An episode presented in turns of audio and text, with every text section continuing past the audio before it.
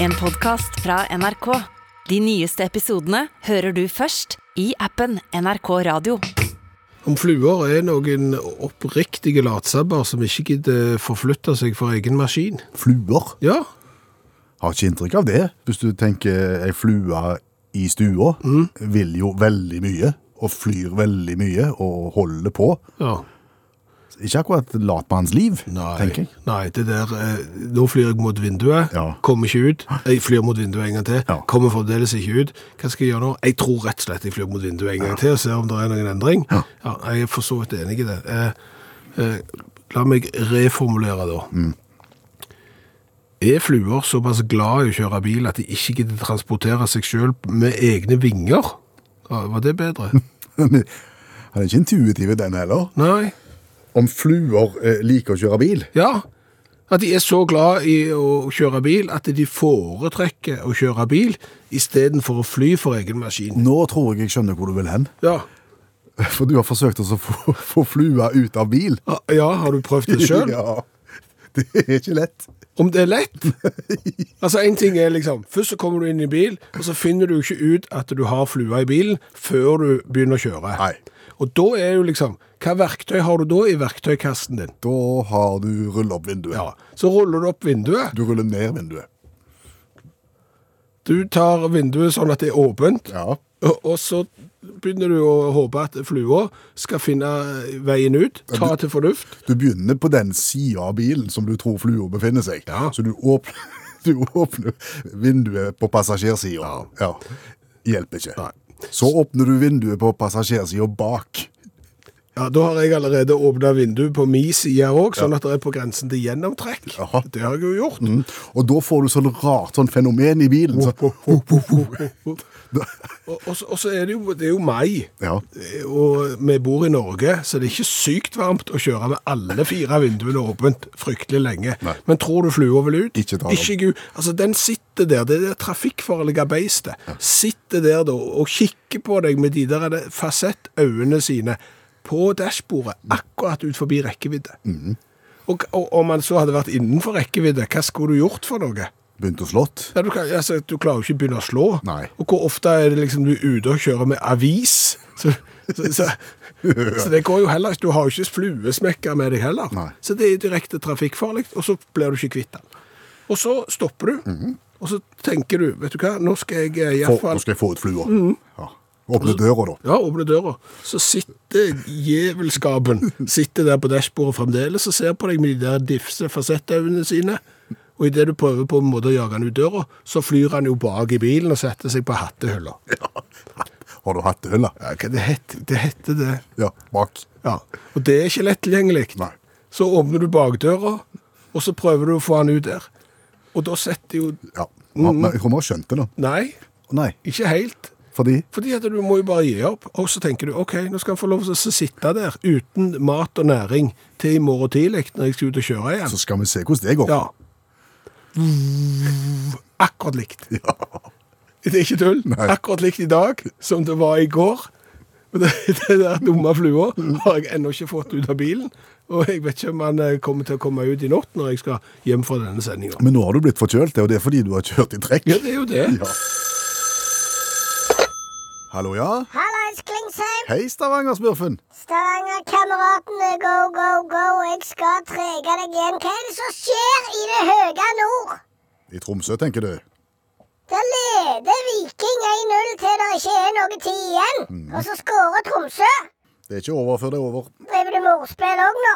Hvordan går det med deg? Opp og ned. Er du fortsatt i Dubai? Yes. Og, og det går bokstavelig talt opp og ned òg. Fortell. Jeg, jeg, jeg var på sånn uh, kamelsafari-greier. Ja. Ja, jeg traff noen vet du, på 17. mai der og 15. mai og alle de der feiringene de har nede i Sjømannskirka der i Dubai. Og så inviterte de meg med på sånn uh, kamelgreier ut, ut i ørkenen. Det har jeg prøvd. Har du prøvd? Ja. Hvordan gikk det? Det, det var fryktelig vrient når han skulle sette seg ned. OK. Fordi at han, han setter seg ned på en litt rar måte. Han på en måte begynner med forbeina. Ja, knele først, ja. Yes. Og hvis du ikke er på alerten da, så tipper du. Så da tenker jeg, da tippte du. Nei, det gikk bra. Du har ikke vært på alerten en gang i hele ditt liv. Kan ikke se for meg deg på noen alert i det hele tatt. Hva er en alert, egentlig? Har ikke peiling. Men du, Ja, ble du sjøsyk? oppå der? Ja. Nei, jeg vil ikke si det. Ble du? Det kan du trygt si, faktisk. Det duver av gårde. Det duver av gårde der på, på Hva det heter for noe, det der? De kaller kamelen for noe. Jo, jo, hva er det for noe? Ja, hva er det? Skip, er det det? Ja, Samme kan det være. Det er en sånn kamel som seiler bortover der, vet du. Og det duver litt. Grann. Altså, jeg ble jo så alvorlig sjøsyk at jeg begynte jo å spy uti der. Oppå kamelen? I, I varmen, ja. Og så ble jeg jo så kolossalt dehydrert. Det er ikke mye jeg skal spy før jeg er dehydrert. Så, så jeg ble jo lagt inn på sånn legevaktgreier. Oi sann. Men da møtte jeg kjærligheten, Klingsheim. Kvinnesland, heter jeg møtte du kjærligheten? Hører du seint? Nei, men det var så spesielt budskap fra deg at jeg må måtte nesten på få det en gang til. OK. Love hit me in the face. På legevakten. På legevakten der, vet du, der jobber det jo det vakreste jeg har sett noen gang. Åh, Ja, iallfall øynene. Det var det jeg så. du så bare øynene, ja. Så bare øynene der bak sløret der, vet du. Ja, ja. Vet du hva hun er? Nei. Hun er prinsesse. Møtte du ei prinsesse på legevakten? Bokstavelig talt ei prinsesse. For det første, hun er ei prinsesse, og hun er ei prinsesse av av noe sånn saudi-arabisk avstamning, vet du. Så she is totally loaded with money. Jaha. Ja, ja, ja. Så det der at jeg har snakket om at jeg har problemer med å komme hjem og sånn No, José. No problem at all lenger. Du skal ikke se vekk ifra at jeg kommer til å fly i private jet tilbake til, til Norge. Du, Ja. møtte du henne på venterommet? Eller jobba hun der, eller hvordan i all verden kom du Nei, nei, hun, hun jobber der. Hun, hun er sykepleier. Og så prinsessa i tillegg? Ja, ja, prinsesse i tillegg. Så, så vi har jo nå snakket Jeg fortalte jo, vet du, om the glorious Norway og you know, sant? All the things you can see and uh, the fjords and uh, Kværnavik and everything, sant? Ja. Så det, det vi egentlig har planlagt nå, det er at hun skal være med til Norge. Hun skal flytte til Norge sammen med meg, og egentlig bare kjøre hele området der som jeg bor. Og så skal vi bygge oss et lite palass. Og så en stor sånn en hage med forskjellige busker og fontener og gangstier. Der har du sett Versailles og de der slottene der nede i Frankrike og sånn. Litt sånn! Litt, litt sånn, ja. Altså, De gode for milliarder, vet du. De kjøper fotballklubber, og de kjøper Erling Braut Haaland som om det ikke var noen ting. Og de kommer til å kjøpe hele Holmen der nede hos meg og, og lage park. Er det, er det ekte kjærlighet, Stavanger-smurfet? Om det er ekte kjærlighet? kjærlighet. For å si det sånn, Klingsheim. Kvinnesland? Samme kan det være. You know when love hits you in the face, altså. It hits like a hammer. Eller noe. Og det er gjensidig to, det vet du?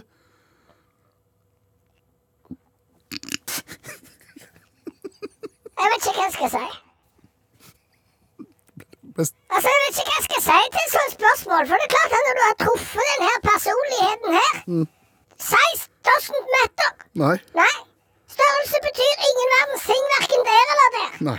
Og når hun da har truffet meg og mitt fantastiske vesen, så er jeg kalt en love at first sight. Det er ikke tvil om det. Jeg gleder meg på dine vegne. Tusen takk! Og fortell oss gjerne hvordan det går videre. Det er you bet. Altså, for å si det sånn, livet har aldri smilt så bra som etter jeg ble sjøsyk i ørkenen. Utrolig kjekt å høre. Snakkes! Ha det godt. Ha det!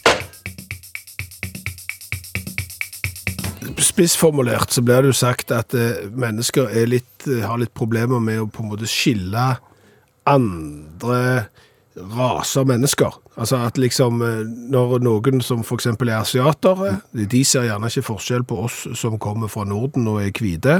Vi ser alle kliss like ut, enten vi er to meter høye, 1,50 høye, og så er det sånn at vi gjerne ikke ser så stor forskjell på en japaner og en annen japaner, og så blir de ganske like for oss. Ja. Hva tenkte du på? Sjimpanser. Ja. Ser de forskjell på hverandre? Eh, tydeligvis. Altså, eh, Frans de Vrachal Det var Frans de W-A-A-L, altså fra Nederland, så det er sikkert en eh, forsker, eller? Ja, eh, og, og en anerkjente forsker òg. Sjimpanseforsker. ja, forsker på all slags. Oh. Eh, men, men har jo vunnet en haug med priser. Og i 2007 så var han inne på Times i lista over eh, de mest, 100 mest innflytelsesrike menneskene i verden. Så det så det er ikke noen tullebukk. Men han har jo da fått eh, eh, anatomiprisen i det som heter Ignobel. Ignobel har vi vært innom tidligere. Det er jo priser som framstår litt sånn tullete, men som har eh, en viss dybde i seg allikevel. Ja, du begynner å lure litt på om er det for mye forskningsmidler, eh, lurer du på første gang du hører det, og andre gangen så kan det godt hende at du tenker, å, det var ikke så dumt likevel. Her er jeg litt i tvil. Hva er det Frank har, har forsket på? Frans de eh, har sammen med Jennifer Pocorny eh, fått prisen for å da ha funnet ut at skimpanser, de kan identifisere andre sjimpanser Ja. helt individuelt. Okay. Hvis de får se et fotografi av bakenden, krettur og eh, analen til en annen sjimpanse. Ja, altså de kan... De kjenner ikke igjen på fjeset. Nei, det, det, de kjenner igjen rumpa. Ja. Og, og da kan du jo begynne å lure på en del ting. Ganske mye, faktisk. Ja, Eh, det jeg lurer mest på, eh, det er jo eh, A. Eh, hvordan kommer du på å forske på det? Ja. Altså, For du må jo ha hatt en mistanke. Ja. Og, og jeg har jo ikke sett så mange sjimpanser i aksjon, annet enn i dyrehage, så det har ikke på både ringt ei bjelle der hos meg. Jeg ville jo heller tenkt at hvis jeg skulle teste dette, her, så ville jeg gjort det på hund. ja, for de driver jo litt sånn. Altså, De er jo ikke opptatt av fjeset, eksempel. De, de, Det er rett på. Det er rett bak. det, det er rett bak. Det er rumpesart, de er rett bak der, Ja. og, og lukter. Og det er klart, de vil jo sikkert kunne kjenne igjen liksom, Petra, puddelen Petra, bare med å være bak der. Mm. Ja. Men, men det er ikke der de har forska. De har forska på sjimpanser. Og da er jo spørsmål nummer to hvordan? Ja. Det er et godt spørsmål å Skjæveland. Ja, altså fordi at det er jo billedmateriale, dette. Ja, det er det.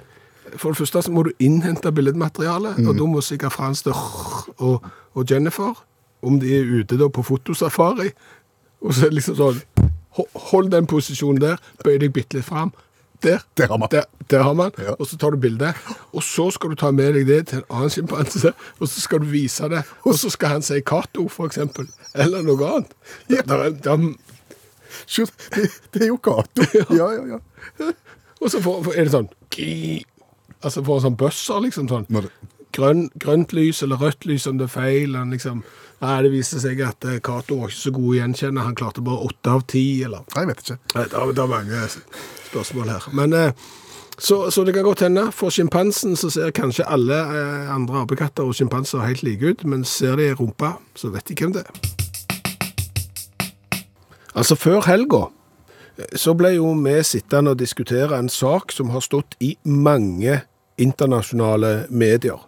Saken fra India, eh, der foreldrene saksøker sin egen sønn fordi at de ikke har fått et barnebarn, selv om sønnen har vært gift i seks år. Mm, Kan ikke holde på sånn. Kan ikke holde på Hvem er det som ikke kan holde på sånn? Er det sønnen? Sønnen, ja, sønnen må se til å komme i gang. Og jeg ville sagt foreldrene kan ikke holde på, på sånn. Men, men dette var jo da i, i India. Og så tenker du, ja, men kan dette ha skjedd andre steder, eller er det særindisk, eller er det helt spesielt? Og, og da blir vi jo plutselig svar eh, skyldig. Ja, ja. Og så må vi kalle inn allmennlærer med to vekttall i musikk, Olav Hove, og spørre er dette vanlig. Ikke enormt vanlig. Ja, da, er det, da er det ekstremt sjelden, men det fins. Ja, og vi kan jo holde oss i India, for det er jo ofte der, eh, der er det en del sære ting i forhold til familierelasjonssøksmål. Ja. Ja, og vi kan jo holde oss med besteforeldre og barnebarn, for der er jo kanskje det mest opplagte. Og i uh, 2015 så ringte da, uh, rett utenfor Mumbai, så ringte da eh, Janabai Sakarkar, vanskelig navn. Janabai Sakarkar, ei dame, da, 85 år gammel, ringte til politiet og sa at hun hadde blitt og anmeldte da en, navn, en mann ved navn Harial, eller da trodde politiet en mann ved navn Harial Sakar, for æreskjelling og hets. Politiet rykte ut og skulle ta tak i denne mannen, viste seg at det ikke var mann, det var en papegøye. Det viste seg òg at det var papegøyen til barnebarnet hennes. Eh, og, og hun kunne fortelle at hver gang hun passerte papegøyen, eller papegøyen så henne, så ble hun kalt enten skitten bikkje, tøyte eller ditt gamle mangrovetre. Det har jo med faunaen i India å gjøre, selvfølgelig. Tøyte er veldig lite brukt nå. Ja, det er det. Mangrovetre er ikke så brukt så mye, det Nei, heller. nei, men eh, tøyte har jeg jo i hvert fall hørt. Ja, vi slår et slag for tøyte. Ja. men uh, Politiet syntes jo det var kjekt, men de kunne ikke gjøre annet enn å arrestere papegøyen. Hva gjør politiet da når de eh, fanger en papegøye, eh, tar inn en papegøye, burer de han inne. Ja, ja det og tar han til avhør. og Det virker som de har utrolig grei Det er akkurat som de, de har litt mer greie på papegøyer, det indiske politiet, enn vi har. For det var, de har egen ekspert på sånn hat-papegøyekrim. Oh, ja. Tøyte! Ja, ja, man går over treet. Og så, så tok han inn til avhør, naturligvis. Det er jo det du gjør da. Og da var han helt muta, sa ikke en ting. Eh, prøvde å stimulere han til prat med å vise bilder av den tøyta. tøyta. Tøyte, ja. ja, ja, Hjalp ikke. Og da kom eksperten på hatt papegøyekrim inn og sa at eh, dette her er nok eh, her, Denne her er blitt opplært på en sofistikert måte. For her den utskjellingen var uavhengig, eller var avhengig av visuelle stimuli, men det måtte være ekte greier. Det kunne ikke være bilder, liksom. Så da fant jeg ut at her hadde det vært inne en profesjonell trener som hadde brukt mannekenger, som hadde brukt fargepaletten som tøyta og hadde Så den gamle mangrovetreet hadde gått med. Og dermed så, eh, så, så kom en da til det problemet at hvem skal vi straffe her for dette her? Er det papegøyen, er det eieren, eller er det han som trente opp, da? Da fant de han som hadde trent opp. Ja da, fant, fikk tak i han da, og, og, og dette ble et søksmål da.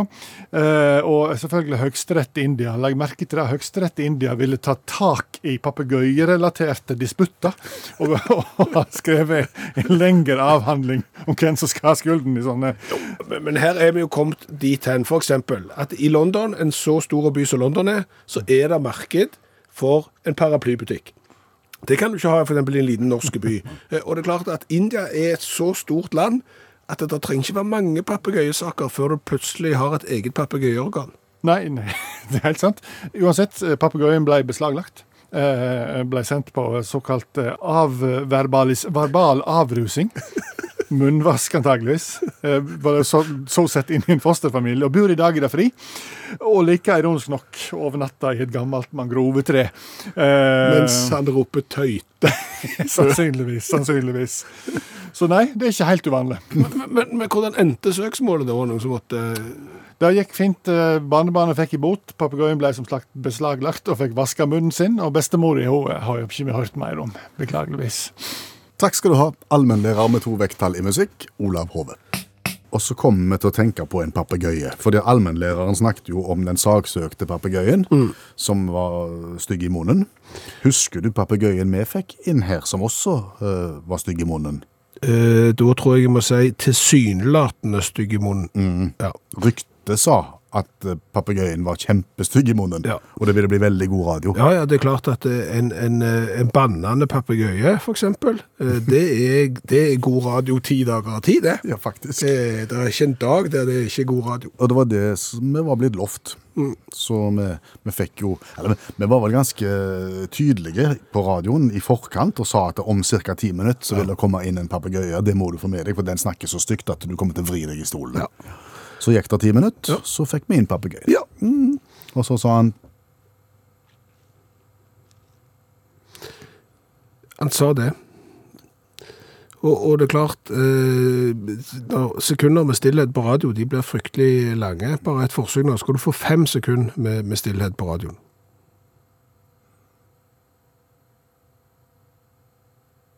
Det er ganske lenge, det. Ja. Ja. Han sa ingenting. Overhodet ingenting. Absolutt ingenting. Det endte jo da med at vi bare måtte OK, dette her kommer ikke til å gå. Eh, Den papegøyen, takk for i dag. Eh, Kjekt du kom. Synd du ikke leverte varene. Så bar du han ut. Ja, det var den dagen. Av en eller annen grunn så gikk jeg i kilt den dagen. Så jeg hadde kilt, og så, og så satte jeg han eh, på armen, og så bar jeg han ut. Og hadde jo ikke før lukket studiedøra, og så skjelte han meg ut etter noter, og så dreide han på teppeflisene. Mye bråk nå. Ja, da, men det er utfordringer i radiostudio nettopp nå, fordi at jeg har jo da ikledd meg eh, et veldig fint hodeplagg, vil jeg si. Flosshatt. Ja, men Ja. prøv å kombinere flosshatt med sånne hodetelefoner, øretelefoner som du har i radiostudio. Det- det går ikke. Nei, så de, de får ligge på sidesnå. Nå prioriterer vi flosshatt. Det er helt sant, du sitter med flosshatt. Ja. Og, og ikke uten grunn. Nei, altså grunnen er ikke spesielt god. Det er han ikke. For, for spørsmålet er jo, dette er en helt vanlig flosshatt, sånn som du har sett ikke så ofte, for det er, veldig, veldig få som går med flosshatt eh, lenger. Det er noen i mitt lokalmiljø faktisk som går med flosshatt i butikken og sånn, Til daglig. til daglig, ja. Oh, ja. Eh, men det er veldig sjelden. Veldig. Ja. Så, så den jeg har på meg nå er en helt vanlig flosshatt. Mm. Hvor høy er den? Ja, det er det som er poenget her. Eh, Den har vi målt, og kontrollmålt, og han er 11 cm høy. Fra brem til topp. Ja. Eh, Du føler jo egentlig at han er høyere enn det. Altså, du føler ikke at det er 11 cm høyt. Han vokser Han er, han er. Han vokser på deg. Nei, Nei, men den er 11 cm høy. Mm. Så er jo spørsmålet, har du sett flosshatten til Abraham Lincoln? det er ikke flosshatten jeg først og fremst tenker på når jeg tenker på Abraham Lincoln. Hva er det du tenker på? På, på kinnskjegget. Å ja. Ok, men da må du tenke litt på flosshatten. Ja. Eh, Du har nok sett bilde av eh, Abraham Lincoln med flosshatt. Og, og han gikk ikke med en sånn flosshatt som jeg har på meg nå. Han gikk med det som eh, amerikanerne kaller for en stovepipe hat. Stovepipe, det høres jo ut som ei pipe. Det er pipa, ja. Og den er betydelig høyere enn den som jeg har på meg nå. Faktisk dobbelt så høy som den som jeg har nå. 22 centimeter. Ja, rundt der. Oi, Ja.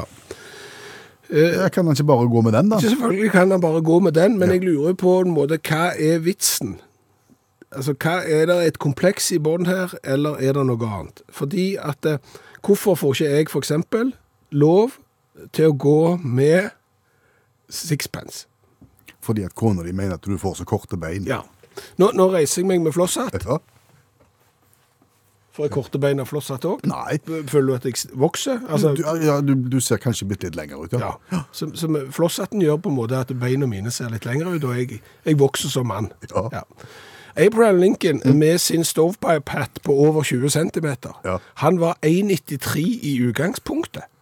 Og så la han på 22 centimeter. Altså, han er jo, altså, toppen av Abraham Lincoln er jo nærmere 2,15. Og det blir litt mye. Ja, skal det være nødvendig? men, men, men hvorfor det? Nei, kan det være en form for hersketeknikk? Ja, det, det kan det jo være, men når du er 1,93 så er det ikke sikkert at du trenger Altså, du kunne gått på sånn flosshatt som jeg har på meg nå. Ja, og du hadde fortsatt runda 2,10 nesten. Ja, ja. Altså 1,93 pluss eh, 11, du er liksom på 2,04. 2,04, ja. Er ikke det nok? Må du opp til 2,15? Ja, du er i hvert fall helt sikker på å vinne, for det er jo ingen som slår deg da.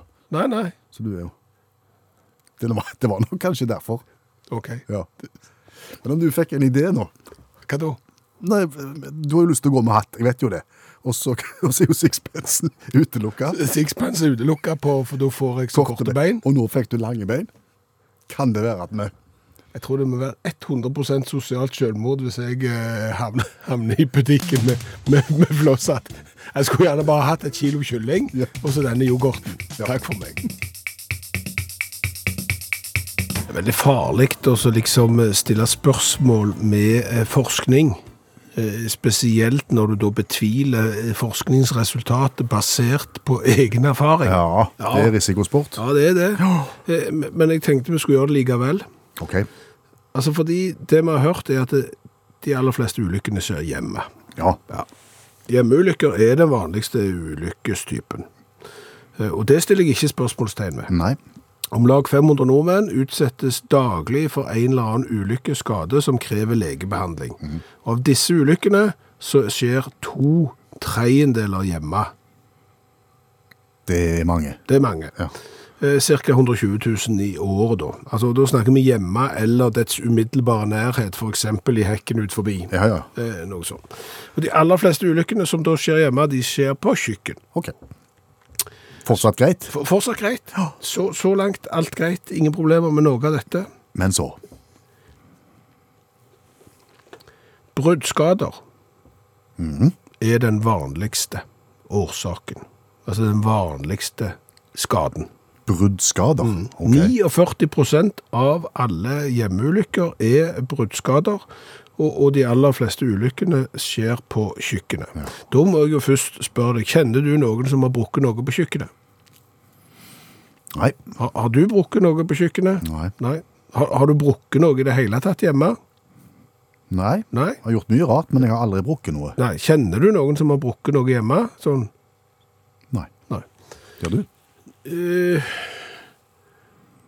jeg har ikke brukket noe på kjøkkenet, jeg har ikke brukket noe hjemme. Eh, Jeg har eh, vært en del på legevakt og sånn, og måtte, altså en del av hjemmeulykkesstatistikken, blant annet så har jeg jo eh, hogge meg med øks. Eh, da har jeg jo sydd i uh, fingeren. Jeg har skjert meg i fingeren med hekksaks. Ja. Det var en annen fing, så jeg har sydd den òg. Da kapte jeg òg ledningen. Og strømmen. Ja, Ja. da gikk sikringen. Og så får du sånn rart blått lys. Så har jeg jo da, den, den er jo litt rar, det var hjemmeulykke da, men jeg har fått kuttskade etter å ha hatt keepertrening på plenen etter skiferlegging. OK, litt, litt skarpe kanter der, altså. Altså der er det noen som har hogd skifer, og så har det kommet en skiferflis ut på plenen, og der har jeg da slengt meg, eh, og fått eh, et langt kutt med, med stort R. Det er òg på statistikken. Jeg har svidd av store mengder hår etter lighterfylling, eksempel. Ja. Men jeg har ikke knukket noe. Nei, nei, nei, OK. Men Nei, OK. Og, og jeg kommer liksom ikke på eh, noen som har knukket altså, eh, Men her skyldes vel kanskje at det, det er jo det er de eldste blant oss, antageligvis, som, som knekker noe. Ja, men vi kjenner jo mange av de òg. Og du kjenner ikke noen som har knukket noe, iallfall ikke på kjøkkenet. Jeg kjenner ikke noen som har knukket noe verken der eller der, eller på kjøkkenet. Nei. Og når jeg ser på det manuskriptet vi har foran oss her nå, om Ja. disse ulykkene her, Ja. så er det i yngre aldersgrupper er det flest gutter og unge menn som er utsatt. Og de knekker veldig sjelden ting på, på kjøkken. Eller damer over 65, og det hører du om. Jeg har jo hørt om lårhalsbrudd, Ja. så, jeg vet jo at det er på, på eldre damer. Så, så, men, men at det liksom skal være 49% når vi ikke kjenner noen, det er derfor jeg stiller spørsmålstegn ved forskningen her. Ja. Ja. Nå skal vi snakke om melk. ja, det har vi snakket om før, for 14 dager siden. Eller var det forrige uke? Eh, forrige uke. Forrige uke. tror jeg vi snakket om melk, og, og da eh, oppsiktsvekkende funn i forbindelse med hvalmelk. Mm. om at hvalen produserer kolossalt eh, mye melk. Eh, Blåhvalens unge eksempel drikker 190 liter melk om dagen og legger på seg 3,6 kilo i timen, nesten 90 kilo om dagen. Eh, så det var det som var tema. Eh, Så fikk jeg en telefon i dag. Og det som jo er litt skummelt, er at nå eh, skal vi snakke om noe som jeg har snakket om på telefonen, som jeg ikke har notert, så dette blir på husken. OK. Men, men var temaet hvalmelk? Det, det var melk og hvalmelk. Ja. For, for det var en som hadde altså jobbet inn forbi melkeindustrien. Oh. Og, og hadde teknisk kompetanse og hadde målt mye på melk. Litt usikker på akkurat hvordan, men, men fettprosenter og den slags. Ja, ja. Og, og det som var hovedingrediensen i samtalen vår, det var det er ikke melk, det som hvalen har. Å nei. Så det var, det var kritikk av, av innslaget vårt, Nei, nei, nei, på ingen måte. Å nei, å nei, det var utdypende informasjon, men, men det kan ikke karakterisere det som melk, det er smør. Å ja. Tjukkemelk? For det handler om fettprosent. Ja. Nå er ikke jeg så sterk i fettprosent, og igjen så skal jeg huske dette her, men, men sånn kumelk, 3,5, 4 kanskje, Okay. eh, hester og kvinnfolk, nå siterer jeg, eh, mye tynnere, 1,5 prosent kanskje fettinnhold eller noe sånt. Eh, går du på noen spesielle kyr, kanskje 7 prosent. Kommer du da ut på hvalen og andre dyr som bor i Arktis, 60-70 prosent fettinnhold. Jøss. Smør. Ja. Sel, høyt, og det kunne du bare se på reinsdyr eksempel. Ligner jo litt, hvis du legger godviljen til, ligner jo litt på en tynn eh, ku, Ja. sant? men har 22% seks ganger så mye fett i, i melka som, som kumelka. Og Det er jo fordi at bor du oppe i Arktis og, og det er kaldt, så må du ha spekklag og du må ha fett. Ja. Og, og dermed så må du jo gi ungene dine dette, og da, da gir du de smør. Veldig tungt flytende, vil jeg tro. Altså hvis det er smør. Ja, og jeg, jeg tenker jo at hvis det er så høyt fettinnhold, og så på grensen til smør òg, og denne hvalen svømmer opp og ned og opp og ned og, og rister på dette her, så, så, så jeg vet ikke hvordan det kommer ut. Og, og jeg har jo sett disse store hvalkokeriene som de reiste rundt med i, i gamle dager. Eh, Hvalkokeri. Har du ikke sett bilder fra Sandefjord? Jo, sånn ja. Ja, ja, det, altså, alle i Sandefjord har jeg inntrykk av hadde sin egen eh, sånn hvalfangerbåt med hvalkokeri, eller hva det er for noe. Og, var det ingen som tok vare på smøret der? Nei, det kan du si. Altså, må noen, eh, nå må noen i Sandefjord eh, ta grep og, og svare oss på hva skjedde med smøret. Nå kommer du til å få nye telefoner. Ja, ja, men de er kjekke de, men jeg skal ha med meg penn og notere neste gang, så det blir 100% korrekt. Og vi skal utenriks Ja, vi skal smake cola fra verdens største land til utlandet. til utlandet, ja. Og sånn som jeg har klart å tolke det, så tror jeg vi skal til Polen. Du bare tror. Ja, litt usikker, for det vi har med et eh, integrert multienergiselskap som opererer i Sentral-Europa og Canada å gjøre. Så dermed så har du tolka Polen. Ja, jeg, jeg tror, tror det er Polen. Jeg skal, skal forklare hvorfor. Det er Helge eh, som har eh, tatt med seg Verva Cola til oss. Er det en vervapremie vi har fått da? Fiffig. Ja, takk. Det er veldig, veldig bra. Eh, Men tilbake til energiselskapet. Orlen, jeg har ikke hørt om det, men de opererer jo da i store deler av Sentral-Europa og Canada, som sagt. De Har 2550 bensinstasjoner, sånn cirka, oh. i eh, Europa. Eh, Og de heter jo ikke Verva, de. Nei, de heter eh, Orlen. Mm. Men når de da skal flotte seg med å selge bensin og diesel, så har de liksom eh, ett merke bensin og diesel eh, som heter Verva. Å ja. Og så har de lagd en egen cola i samme familien, på en måte. Ja, eh, så, så den her er jo en rød høyreist boks på 330 milliliter. Eh, bilder av den, så er det, altså det ser ut som litt sånn Brooklyn Bridge-aktig, og under der så kjører det da en lastebil. Ja. Det er liksom bildet. Eh, Så må vi få lov til å eh, kritisere fargevalget bitte litt, for det er jo cola rødt. Det er jo en eh, høyreist boks, men med klassisk colafarge, ja. Ja. Og når jeg har sett på bilder av verva, eh, diesel og bensin, så selges det med blå farge. Så det her, her kunne de gjort det bedre. Ja. Men- Men det er vel, tror jeg, aller første gangen at vi har eh, sma- på en ekte bensinstasjon-cola. Ja, kan du si. Ville det vært det samme som om Esso hadde lagd egen cola og kalt den Esso-cola? Ja, sånn tolker jeg det. Ja, Shell-cola. Shell, ja. Så, men det er jo sånn, bensinstasjoner rundt omkring i Europa det selger jo all slags. Altså Skal du ha f.eks. sprit eh, sent på lørdagskvelden, så går du på bensinstasjonen og sånn. Så det kan jo hende at det er et eller annet i det segmentet her. At eh, Det er god lyd. det er jo helt mageløst. Og Nå er jeg spent på bensinstasjon-cola. vær så god. Takk. Den er kål, kål, kålsvart, kan jeg si. Lukter litt parfymert. Luktesansen min er noe redusert etter at jeg kjørte med vinduene åpne med, for å få den der flua.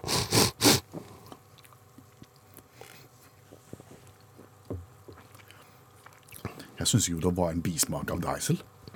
Tuller du? Nei, jeg tuller ikke. Jeg syns det. Jeg smak... Jeg, jeg burde ikke vært... Jeg burde meldt meg sjøl inhabil i dag, jeg. Du har ikke smak. Det, det her smakte alle tider, synes jeg. Jeg får litt sånn petroleumsfeeling. Om det er bevisst, vet jeg ikke. Er du, farlig, er, du, er du farget av informasjonen? Det kan være. Dette synes jeg var alle tiders. Men, men jeg, jeg, Ja, men du har jo ikke smak. Nei. Det kan ikke gi mer enn uh, fire skal den få i smak. Det er jo ikke krise på ingen måte, men den er litt under midten. Fire? Ja, Men hvordan skal jeg forholde meg da? Altså Det er litt som å stille opp uh, i en konkurranse på feil premisser, så føler jeg. Jeg synes dette var Jeg kunne gått opp til seks, jeg. ja men gjør det, da. Ja, men da gjør jeg det. Og så var det designet. Alt bortsett fra fargen er jo tøft. Ja, det, er jo, det er jo tøft at noen gjør litt eh, annerledes ting. Eh, jeg føler jo litt den der tegninga av Brooklyn Bridge og det der eh, tunge kjøretøyet som kjører unna. Der, der burde de nok eh, søkt opp noen som kan tegne. Ser du det? Ja, jeg synes, eh, altså, Studer, det er ikke all verden. Det blir for billig. Ok, Hva vil du gi? Dette har jo ingenting med, med smakssans å gjøre. Nei, eh, fire. Fire i design. Jeg syns han er helt OK. Jeg gir han fem, jeg.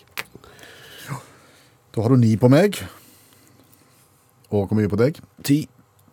19 totalt. Til bensinstasjonen Cola fra Polen. Med en liten smak, liten touch av diesel. I første time av Utakt i dag så hørte vi jo det at å saksøke slektninger i nedadgående retning er ikke vanlig, men det er heller ikke helt, helt, helt uvanlig i India tydeligvis. Nei. Eh, Allmennlærer med to vekttall i musikk Olav Hove finner vi eksempler i andre land enn India. Ja, jeg er med sikkert, men det er ikke spesielt vanlig. Det er mer vanlig andre veien. Andre veien. Ja, altså at ungene saksøker foreldrene sine. Å, den veien, ja. Ja. Fordi Nei, Av forskjellige grunner. Ofte har jeg en god grunn, men eh, skal vi finne en skikkelig dårlig grunn, så har vi til USA, som vanlig. og eh, den 42 år gamle sjarmøren David Birkin, eh, gift uh, uten barn, for han måtte dyrke sine hobbyer, ble da skilt uh, og flytta hjem til foreldrene sine. Bodde der et år. I en alder av 42. Yes. Tok seg god tid, da. Ett år. Flytta så ut, eh, og så sendte han da mail til far sin etter han hadde flytta ut, om de kunne sende sakene hans, for han fikk, kunne ikke ta med seg sakene sine når han flytta ut. Eh, så foreldrene de sendte sakene hans, og det viste seg at det var mye saker. Det var en, faktisk en mer eller mindre en trailer. Ikke semi, men en vanlig trailer. Og han mottok, eh, mottok sakene sine, og så oppdaga han at det mangla noen ting. Det mangla et varmeteppe, en tamburin og ni banankasser med såkalte voksenfilmer. Eh, Nå, nå, nå, fikk jeg bilder i hodet. Her har du mann 42 som setter seg på sofaen, tar på seg eh, pleddet, setter på film fra kassen mens han rolig sitter og slår på tampen. Ja, interessant, vet du. Men eh, så sendte han da mail til far sin, og det var det foretrukne kommunikasjonsmiddelet med foreldrene sine, om at han gjerne ville, dette var, de hadde gjort en feil, de hadde ikke fått sendt alt. Eh, Så sa faren at jo, det har vi gjort, og hvis noe har forsvunnet, så er det for din egen gode godhetsdel, liksom. Ja. Eh, Dette kunne ikke han godta, så han sendte flere mail. Gikk så langt som å ringe til sine foreldre og si fra at nå må de sende de banankassene, for nå begynner det Ja, ja jeg trenger de. Ja, så Han savna ikke tamburinen og pleddet så mye. Nei, det er med som en del av søksmålet som nå blir inngått da, mot foreldrene. Eh, Det blir nevnt først, og jeg vet ikke hvorfor, men han krevde iallfall 250 000 kroner i oppreisning. Og hvorfor tjent, krevde han det? Jo, det var det han hadde brukt på innholdet i banankassene. Det er ganske dyrt, da. Oi. Har, han, har han kjøpt voksenfilm for 250 000 kroner? Ja, og bare vent. Uh, han han ga, kom med ei liste på, på 17 sider, som jeg har iallfall vært gjennom åtte av. Eh, Jeg vet ikke om du er interessert i titlene. Er det titlene, ja? Ja, Ja, la, eh, la oss få høre noen av de. Uranus-eksperimentet. Det er en sci-fi-pornografisk serie på fire, i fire deler. Sex in the City, det er en serie. Ja, og fra New York, de vet hvordan det er. Eh, kla klassikeren Good Will Humping. Og, og, og, den, og den gamle Driving Miss Daisy Crazy. Alt dette her eh, Hadde han In and Out of Africa òg? jeg kom ikke så langt, men jeg er ganske sikker på at han hadde det. Eh, dette her ble, dette ble jo avvist da, selvfølgelig av foreldrene sine advokater, sa jeg kan ikke betale 250 000 kroner for en haug med porno. Så da fikk han inn en ekspert. Det er fint, vet du. Voksenfilmekspert. Ja. Da, da fikk de inn, og, og vitna. han sa at nei, dette her er ikke verdt 250 000, det er verdt 300 000. Oi. Ja. Så eh, rettssaken gikk, og foreldrene tapte, og måtte da betale da, disse her 300 000 i tillegg til 140 000 i saksomkostninger. Men den godeste verken viste seg som the bigger man, og eh, sa det at eh, ok, når de nå har først loppa dere for såpass mye, så kan de se vekk fra tamburinen og varmeteppet. De trenger ikke betale for det, liksom. Hvor mye var verdien der? 1000 kroner. Nei da. Grei kar. Ja da. Takk skal du ha, allmennlærer med to vekttall i musikk, Olav Hove. Men da har vi iallfall fått satt en pris på hva det koster å få avvent eh, voksne unger med pornografi. Det er ca. 400 000 kroner. Nei, det hjalp jo ikke. Han har jo ikke, han har jo ikke fått filmene tilbake igjen. Han kan kjøpe nye. Ja, det kan han. Kombinasjonen mengde og litt dårlige husk eh, har jo blitt til en konkurranse i utakt. Ja, presiser. Altså, Lars eh, Balsvik har hørt eh, alle podkastene våre og liksom han, alt vi har lagd mange ganger. eh, og når vi har lagd kolossalt mye radio opp gjennom åra, og i tillegg da husker litt seint, så er det sånn at Lars stiller oss spørsmål om noe vi har gjort, eh, og så skal vi prøve å finne ut hva det er. Hva vi har snakket om. Ja. Og med tanke på at Utakt har levd siden 2009, så er det ganske mange timer radio vi skal da huske. Ja, Vi husker jo ikke hva som skjedde forrige uke, så det er klart det er, det er et par hull der. Vi kjører vignett. Lars spør, og Utakt svarer etter beste evne.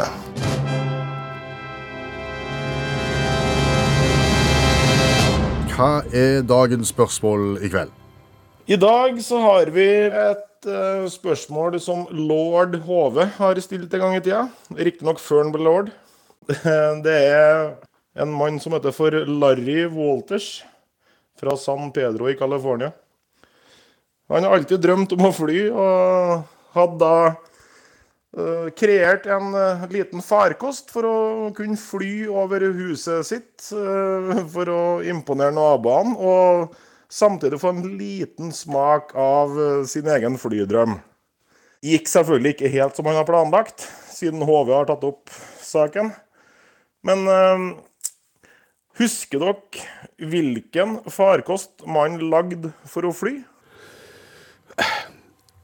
Jeg, jeg husker ikke navnet på mannen, jeg husker ikke historien i det hele tatt. Det er jo dumt når det er et program som vi sjøl er med å, å, å lage, men det er jo ikke så mange farkoster det går an å fly med. Så, så skal, går vi på, er, vi er vi på ballong? Ja, er det ballongen i bildet? Uh, ja, det er ballongene i bildet. Det er det. Opptil flere. S- Snakker med at du har bundet sammen en hel haug med, med ballonger og satt deg i liksom hurra nå oppi køya, nå skal ballongen gå. Vi snakker 45 værballonger. Kobla til den beste campingstolen han hadde. Eh, han hadde plan om å fly over hustaket, som sagt, bare for å imponere naboene.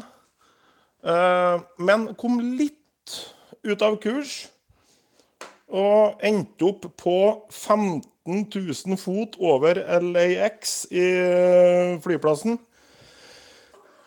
Husker dere hva som skjedde? da? Hva som skjedde nå, ja. Altså, nå begynte det å demre så vidt eh, med, med denne mannen som altså, var over flyplassen i Los Angeles, LAX. Men hva som skjedde etterpå der igjen? Eh, forsvaret kom og prøvde å skyte han ned. Nei, han var redd for at Forsvaret skulle komme når han var klar over at han var på tur innover flyplassen. Men han hadde med seg en airsoft uh, gun til å ta høl på ballonger for å komme seg ned igjen. Uh, men den mista han selvfølgelig etter at han hadde skutt høl på ti ballonger. Så det eneste han satt igjen med, var en sandwich og en sixpack øl og en og en halv times uh, sakte nedstigning da, før han da ble arrestert, selvfølgelig, når han kom ned. Og fikk en bot på kun 10 000 kroner. Da, da det ikke var noe særlig rettspraksis på ja, det med at menn kom inn over flyplasser med værballonger og lenestol. Skjæveland, jeg syns vi skal ta kraftig sjølkritikk, for den historien er så god at den skal vi kunne huske. Den burde vi kunne. Ja, ja, men, men det, det ringte ikke bjella på navnet, og liksom når vi skulle gjette, så, så ble det liksom OK, hvordan lager folk sin egen farkost, ballong nærliggende, men, men jeg husker det nå, men jeg klarer fremdeles ikke å huske navnet på mannen. Nei. Dere har så mange gode historier gjennom årenes løp at det skal godt gjøres å huske alle. Det må jeg nå ærlig innrømme. Hvor, hvor langt tilbake er vi her? Da er vi tilbake til Skal vi se Mai 2016. Det er seks år siden. Tusen takk for kveldens oppgave, Lars. Bare hyggelig. Det er jo en del ting som det er lov å gjøre når du er 16 år. Ja, det er jo sånn at du venter på en del ting når du ikke er 16. Ja, Du venter på at du skal bli 16, for da kan du kjøre moped, for eksempel, hvis du har lappen på det. Ja, eh, og det er klart, vi venter jo spesielt mye på det å bli 16, for vi kunne jo kjøre moped bare ved å bli 16, mens de som var født år etter oss, det holdt ikke for de bare å være 16, de måtte ha mopedførerbevis. Stemmer det? Eh, og så har det vært oppe sånne forsøksordninger med å la 16-åringer stemme ved stortingsvalg, eksempel. Eller iallfall fylkestingsvalg. I USA så eh, kjører jo ungdommen bil eh, når de er 16, eh, og liksom du, har jo kunnet gjøre en hel haug med ting når du da er, er 16. Mm. Det som jo er litt rart å tenke på, er at de som da kommer med forslag, for eksempel, om at det skal du få lov til å gjøre når du er 16, og de som bestemmer sånne ting, de har jo selv vært 16-åringer. Ja. Ja. Husker de overhodet ingen verdens ting? Du mener du var ikke moden som 16-åring? Jeg følte jo at jeg var veldig moden Ja. eh, når jeg var 16. Men sjølinnsikt er jo òg en egenskap. sant? Og det, ikke har du sjølinnsikt når du er 16, og egentlig ikke noen annen innsikt heller. Og, det, og er Spesielt gutter. ja. 16 år gamle gutter bør jo egentlig ikke få lov til noen verdens ting. Det er vel en, en haug med testosteron som er ute av andre? Ja, altså De må ikke få lov å kjøre noen annen motorisert redskap enn plenklipper uten drift på hjula. Ja. Det, og det stopper omtrent der. Alt, alt annet Du generaliserer veldig. Ja, jeg gjør jo det. Ja men, men det, er jo litt, det er jo litt rart, fordi at Altså, gutter spesielt, altså 16 år er jo en ting, og så blir du 18 og så kjører du bil. Altså Jenter kunne sikkert kjørt bil fra de var 15, svært mange av de iallfall. Men som orden og ro og alt det der. Gutter er jo helt kanakkas i hodet når, når de er 16. De må jo ha vært i militæret og blitt eh, hatt strekklagen før de får lov til å komme ut og bli noenlunde i vater. Det var voldsomt, dette. Ja, men Var, var, det, var det i 16-årsalderen du sydde dine egne jakker og hadde hestehale og var i opprør til alt som var normalt? Ja, ja. ja, ja. Sant? Nå, Du trenger ikke sitte og angripe meg, du kan jo bare begynne å tenke på eh, hva du selv mente om ting når du var 16. Ja, det var rimelig svart-hvitt. Du var rimelig svart-hvitt, og du hadde monopol på vedet, og ingen skulle lære deg noen verdens ting. Og hvis du mente at du klarte å kjøre forbi med mopeden din, så gjorde du det, selv om du ikke klarte det. Nettopp. Og sånn var det. Nettopp. Men skal vi slutte å gi 16-åringene ansvar, er det det du sier? Ja, så er det å gi de ansvar eh, når vi utsetter de for ting vi er helt bombesikre på at de ikke klarer. Jeg tror de er smartere i, i dag enn vi var. Ok. Hva har vi lært i kveld? Vi har lært mye. Ja. Vi har lært at eh, min flosshatt den er ca. 11 cm høy, mens Abraham Lincoln sin flosshatt er nesten dobbelt så høy som det. Og når du da er 1,93 på strømpelesten i utgangspunktet og tar på deg en eh, flosshatt på over eh, 20 cm, så nærmer du deg da 2,15 når du er ute på gata. Eh, ja, Han ruva i landskapet. det gjorde han. Eh, Så har vi jo lært det at eh, sjimpanser, de kan eh, kjenne igjen og identifisere andre sjimpanser bare med å se på et fotografi av rumpa deres. Ja. Og det er litt rart. Eh, Alt ved den forskninga er litt rart. Er det, er det Kat? Å ja, det er Cato. Jeg kjente deg ikke igjen når jeg så deg i ansiktet. Jeg- Det var når du snudde deg. da Det ja. kjente jeg deg igjen umiddelbart. Eh, Så har vi lært det at eh, fluer i bil er vonde å få ut. Ja, Du kjører av gårde, og så hører du flua er der, og så åpner du ett vindu, hjelper ikke. Ett vindu til, hjelper ikke. De to bak, hjelper ikke. Flua vil ikke ut. Nei. Eh, Tor Helge kommer med et tips her. Sett aircondition på laveste temperatur, gå ut av bilen, og etter en stund så kan du gå inn og plukke fluene ut. Da er de omtrent i vinterdvale. Og du lurer de.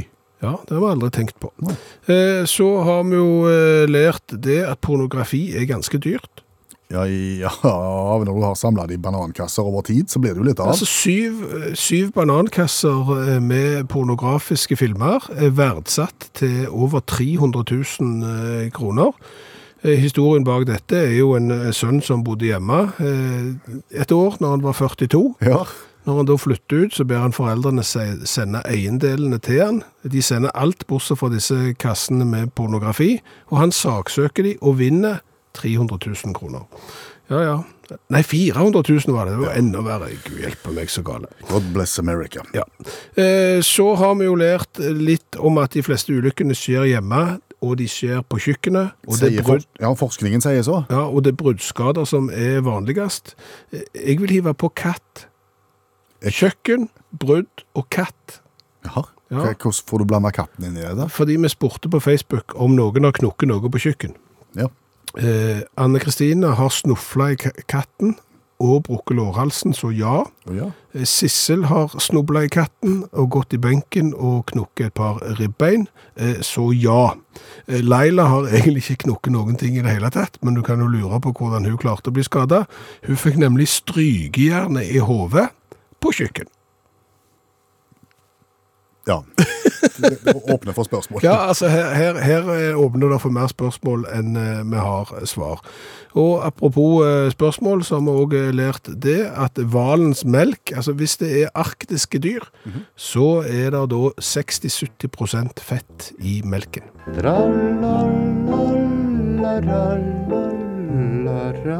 Jaha, det var ikke mer. Sett nå kaffekjelen over og slapp av, og kos deg litt. Takk for nå. En podkast fra NRK. De nyeste episodene hører du først i appen NRK Radio.